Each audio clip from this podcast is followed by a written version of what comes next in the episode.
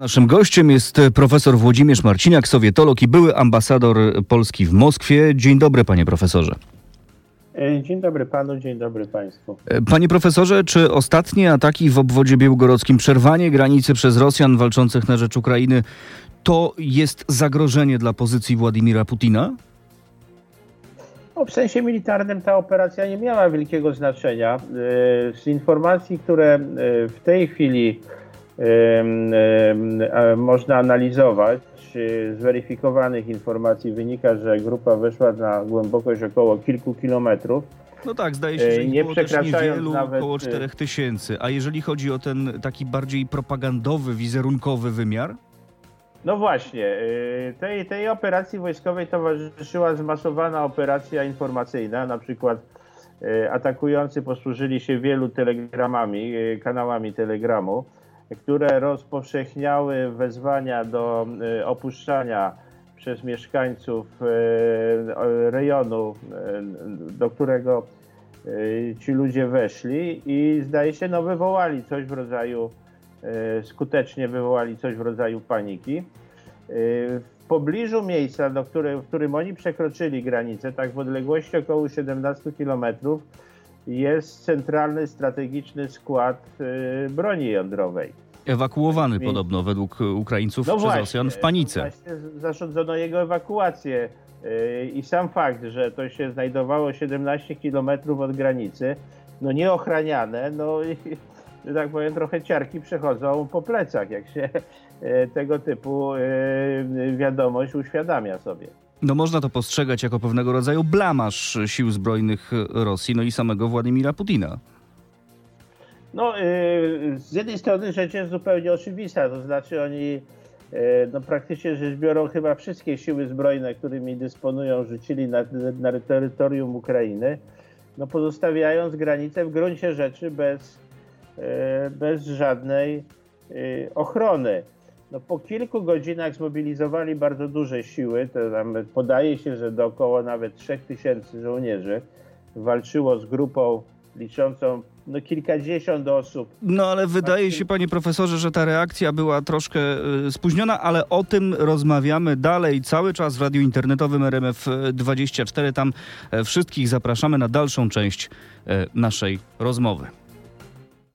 No właśnie, panie profesorze, no zmobilizowano te siły, ale no dopiero po paru godzinach, tak jak pan mówi. No to o czym to świadczy? O tym, że Rosjanie byli kompletnie i totalnie zaskoczeni?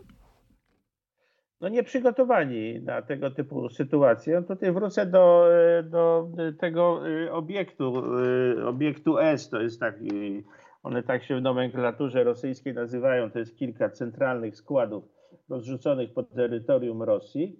Według informacji dostępnych w przestrzeni publicznej, otwartych informacji, we wrześniu zeszłego roku na terytorium tego składu położonego w pobliżu wsi Antonowka zostały prze- przeniesione pociski z głowicami jądrowymi, pociski do samobieżnych moździerzy Tulipan, czyli taktyczna broń jądrowa. Być może Rosjanie rozważali wtedy użycie y, gdzieś y, w, w tym czasie toczyły się walki w rejonie Kupiańska w, obro- w charkowskim, może tam zamierzali y, y, użyć albo rozważali wstępnie użycie tej broni. Y, I teraz one być może zostały, oczywiście tutaj niczego na ten temat nie wiemy, ale to, że taki obiekt właśnie znajduje się tak blisko granicy, że tam jest rozlokowywana broń atomowa, to znaczy Rosjanie w ogóle nie brali pod uwagę czegoś takiego jak e, wejście tej grupy, przy czym Ukraińcy zastosowali no, w gruncie rzeczy rosyjską taktykę. E, Tak, trochę śmieją się tutaj w internecie y, ludzie, że, że zielone ludziki, ale tym razem ukraińskie się, się pojawiły No na właśnie, e, tak. rosyjskiej ziemi, tak? Tak, właśnie, chociaż no, w przeciwieństwie do, do, tamtych e, zielonych ludzików, ci byli oznakowani emblematami, demonstrowali tam symbolikę swoich organizacji, jego rosyjskiego korpusu ochotniczego i Legionu e, Wyzwolić Rosję. Y, więc oni byli jak najbardziej oznakowani. Tak, i to też wydaje się, że jest element akcji propagandowej, to znaczy Rosjanie przeciwko, y, przeciwko Putinowi. Panie profesorze, a wracając trochę do, do początku naszej rozmowy, bo, bo, bo, ja chciałbym poznać pana opinię na ten temat. Czy to, co się wydarzyło, to jest realne zagrożenie dla pozycji Władimira Putina? Czy on może zacząć czuć się teraz niepewnie, no skoro został totalnie zaskoczony przez Ukraińców, skoro okazało się, że granica nie jest szczelna, skoro okazało się, że Rosjanie przy, na przygranicznych terenach nie są bezpieczni, bezpieczni, no to czy on jest zagrożony, czy jego pozycja jest zagrożona, czy wokół niego ludzie teraz patrzą na niego inaczej? E, e, po pierwsze, tutaj warto zwrócić uwagę na to, że e, rosyjskie media jakby w ogóle nie informują, kto dokonał tego, tego wtargnięcia, tego rajdu na terytorium Rosji. Znaczy, informacje o tym, że to rosyjscy nacjonaliści, one się ukazywały w komunikatach agencji TAS, ale w ogóle są niedostępne w telewizji, w mediach społecznościowych i tak. E, czyli to jest kłopotliwa informacja. Kreml nie wie, co z tym zrobić. E, I to jest politycznie nowa sytuacja, to znaczy, że rosyjskie środowiska można przypuszczać, że generalnie nacjonalistyczne wystąpiły w sposób otwarty. Rosyjscy nacjonaliści wystąpili w sposób otwarty E, przeciwko, przeciwko reżimowi e, Putina. To jest nowy typ zagrożenia niż dotychczasowa opozycja, która generalnie rzecz biorąc była liberalna, prodemokratyczna i tak dalej. A teraz jej nie ma, bo siedzi w więzieniach albo łagrach, tak? No, jeżeli no spojrzymy no tak, na opozycjonistów. E, wielu tych ludzi znajduje się na emigracji, próbuje współpracować ze strukturami zachodnimi, z Unią Europejską i tak dalej i tak widzi swoją przyszłą aktywność polityczną. A tutaj jest, to jest zupełnie nowe wyzwa wyzwanie. Czy ono jest skuteczne? No, y, obawiam się, że niekoniecznie. Dlaczego? To wynika z faktu, że społeczeństwo rosyjskie, generalna diagnoza jest taka, jest bardzo zatomizowane. Y, w związku z tym ludzie reagują tylko na to, co ich bezpośrednio dotyczy, a to bezpośrednio dotyczy mieszkańców obwodu białgorodzkiego, no, który jest y, obszarem depresyjnym, prowincjonalnym, marginalnym i można, obawiam się, że większość Rosjan usłyszała, że coś się dzieje gdzieś tam. No tak, w Petersburgu czy, czy w Moskwie właściwie Rosjanie tego nie odczuli. No, przeczytali w internecie jakąś informację, że gdzieś była jakaś akcja zbrojna, ale w zasadzie no, mogli to zignorować, wzruszyć ramionami i pić sobie kawę dalej. No, przyjąć do wiadomości, że e, zgodnie no, z takim obowiązującym schematem na nas napadli. To jest kolejne potwierdzenie, my się bronimy, e, nasza, nasza sprawa jest słuszna, bo na nas atakują, nas nienawidzą i tak dalej, i tak dalej. To może wejść w takie, e, w, no. w, w takie koryto i w związku z tym to nie, niekoniecznie będzie, powo będzie powodować zagrożenie polityczne dla Putina. Pan y, generał Bieniek powiedział wczoraj, czytałem taką wypowiedź, że Białgorod jednak zabolał Putina i że to jest znak, że w Rosji coś zaczyna się zmieniać. Pan się zgadza z tym stwierdzeniem? No może być znakiem. Ja jestem trochę, ja będę trochę ostrożniejszy. Ale jednak y, przynajmniej mieszkańcy obwodu białgorodzkiego nagle poczuli strach i uświadomili sobie, że y, wojsko ich nie broni Jedno z oficjalnych, często przytaczanych uzasadnień agresji przeciwko Ukrainie jest takie, że Rosja broni ludzi. Jak to Putin mówił, musieliśmy obronić naród Donbasu, tak? No i proszę, no jak oni bronią? No, no w ogóle nie bronią, tak? Że nagle zwykli ludzie są po prostu pozostawieni sami sobie, nawet jeśli to jest tylko kilka godzin.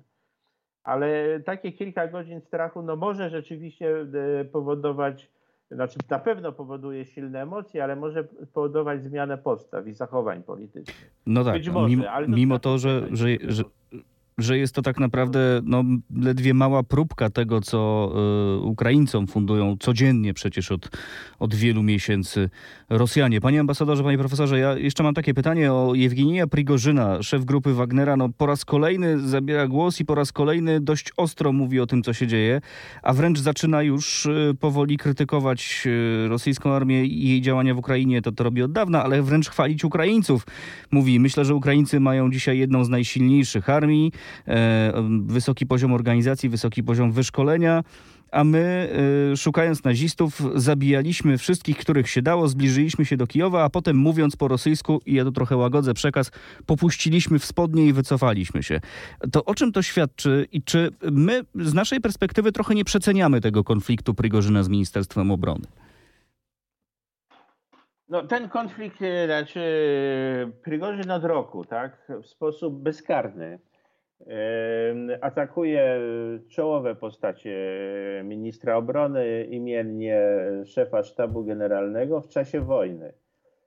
Generalnie rzecz biorąc, armia dysponuje odpowiednimi środkami, metodami, ażeby coś z tym zrobić, gdyby mogła, na przykład, żeby Prigorzynowi zdarzył się jakiś wypadek, nie wiem, e, potknął się gdzieś, coś mu spadło na głowę i tak dalej i wiadomo, że wywiad wojskowy takie operacje przeprowadza, umie przeprowadzać i tak dalej. Czyli wniosek jest taki, że taki rozkaz nie padł po prostu. E, czyli Prigorzyn musi mieć jakieś przykrycie. No, jeśli, jeśli w sposób bezkarny w czasie wojny atakuje e, szefa sztabu generalnego i ministra obrony, no to jedyną osobą, która może mu dać parasol ochronny, no to jest chyba naczelny dowódca, no bo ktoś wyżej stojący od nich. No tak, Władimir Putin musi tutaj mówić, tego pana nie ruszamy. Jest, yy, chyba tak. Natomiast no, trochę trudno jest, yy, jest yy, wymyśleć, a w zasadzie po co on to robi.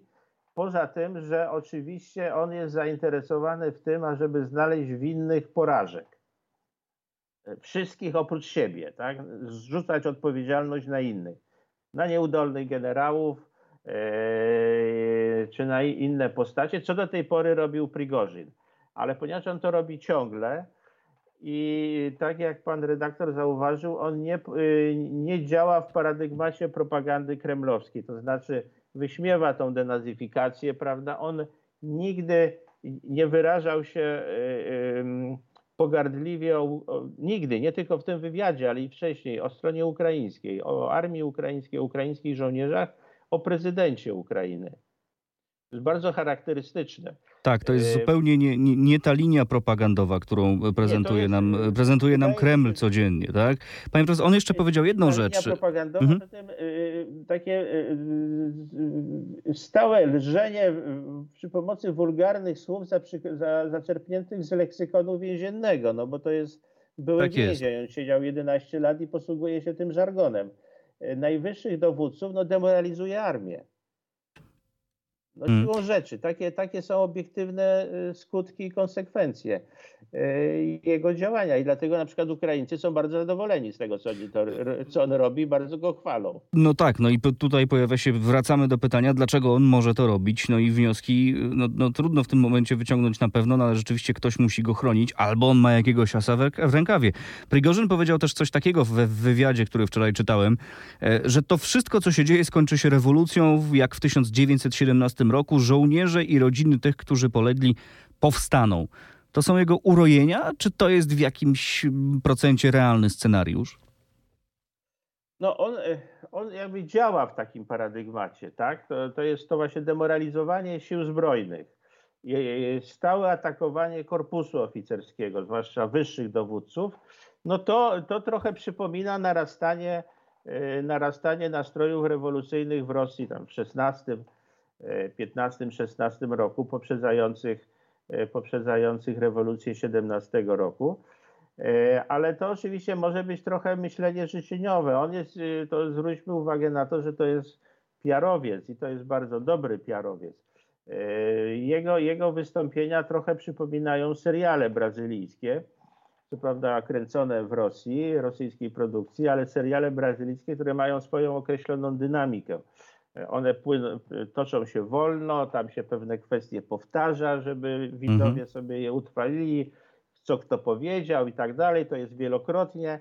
E, a potem, potem się okazuje, że w zasadzie to jest wszystko jakaś gadanina, tak? On tam e, twierdził, że nie dostaje amunicji, no w gruncie rzeczy inne źródła e, twierdziły, że po prostu wszystkie oddziały mają problemy z amunicją oddziały Wagnera także, a one do tej pory były raczej uprzywilejowane i tak dalej.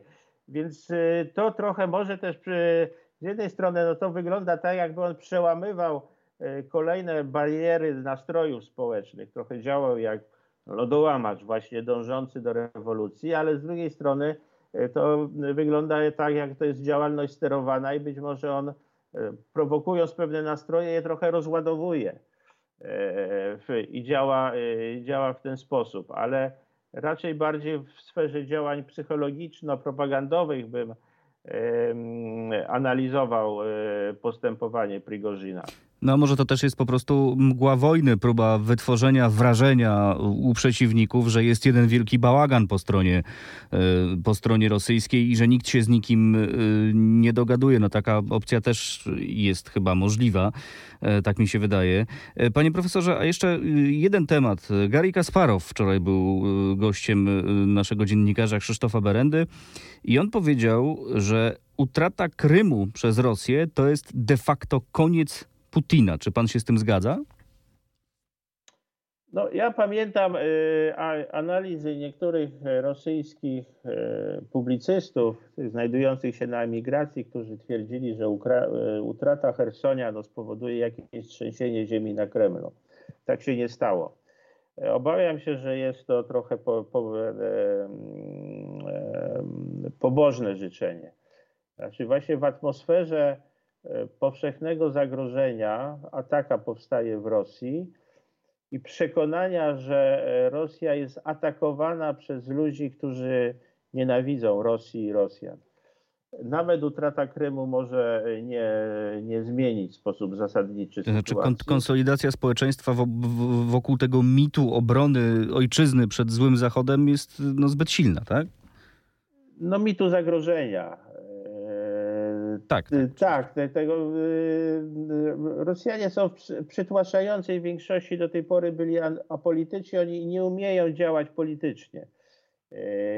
I, i, I, nie chcą chyba działać politycznie. W związku z tym oni się po prostu zdają sobie sprawę z ogromnych kosztów ceny wojny i z tego, że wojna jest zła, się z nią godzą, bo nie bardzo wiedzą, co, co z tym zrobić. Oczywiście Y, potencjalnie na horyzoncie się rysuje taki moment jakiegoś przełomu, właśnie wtedy przełomu rewolucyjnego, nieracjonalnego, y, które być może prowokuje, prowokuje Prigorzyn. Ale Kasparow moim zdaniem nie jest, nie jest najlepszym e, analitykiem, on się wielokrotnie mylił. Ja nie znam tego wywiadu. Czy on coś mówił na temat tego Białgorodu? E, nie jestem do końca pewien. Nie chcę, nie chcę teraz przytaczać dokładnych cytatów. Wiem, że pojawił się ten wątek, ale, ale no ja nie mam go dokładnie przed oczami, więc pozwoli pan, że nie będę go przytaczał, żeby, żeby się nie pomylić. Nie, bo pytam się y dlatego, że oni raczej, raczej na razie milczeli na ten temat, bo to jest także dla tej opozycji właśnie skupionej za granicą na emigracji dosyć y, trudna sytuacja i niezręczna mhm. ze względu na zabarwienie ideologiczne tej formacji e, Korpusu Ochotniczego Rosyjskiego nacjonalistyczne. Tak, tam, tam, jest, tam jest trochę osób, powiedzmy sobie szczerze, kontrowersyjnych. E, panie ambasadorze, mamy jeszcze dwie minuty, więc chciałem zapytać o, o, taką też sytuację, która się wydarzyła, która się przebiła również do naszej świadomości. Sojusz Ludów Tubylczych chciałby odłączyć od Rosji pięć obwodów, w tym właśnie Białgorodzki, tam zdaje się, że też pojawił Kurski e, i kilka innych. E, to, to, to, oczywiście też jest pewnego rodzaju element wojny propagandowej, bo trudno sobie wyobrazić, żeby teraz w tym momencie jakieś obwody rosyjskie po referendum, bo oni mówią o referendum, się odłączyły. Ale y, czy w Rosji w ogóle jest coś takiego jak tendencje separatystyczne, ruchy separatystyczne, które realnie działają i mogą mieć jakiś wpływ na to, co się dzieje? No. Y no pe pewne, pewne oczywiście tak, ale y, problem właśnie tutaj polega na Y, na tym, o czym mówiliśmy y, wcześniej. To znaczy, że lud, mieszkańcy obwodu białgorodzkiego nagle takie, mieli poczucie, że zostali zostawieni sami sobie, tak?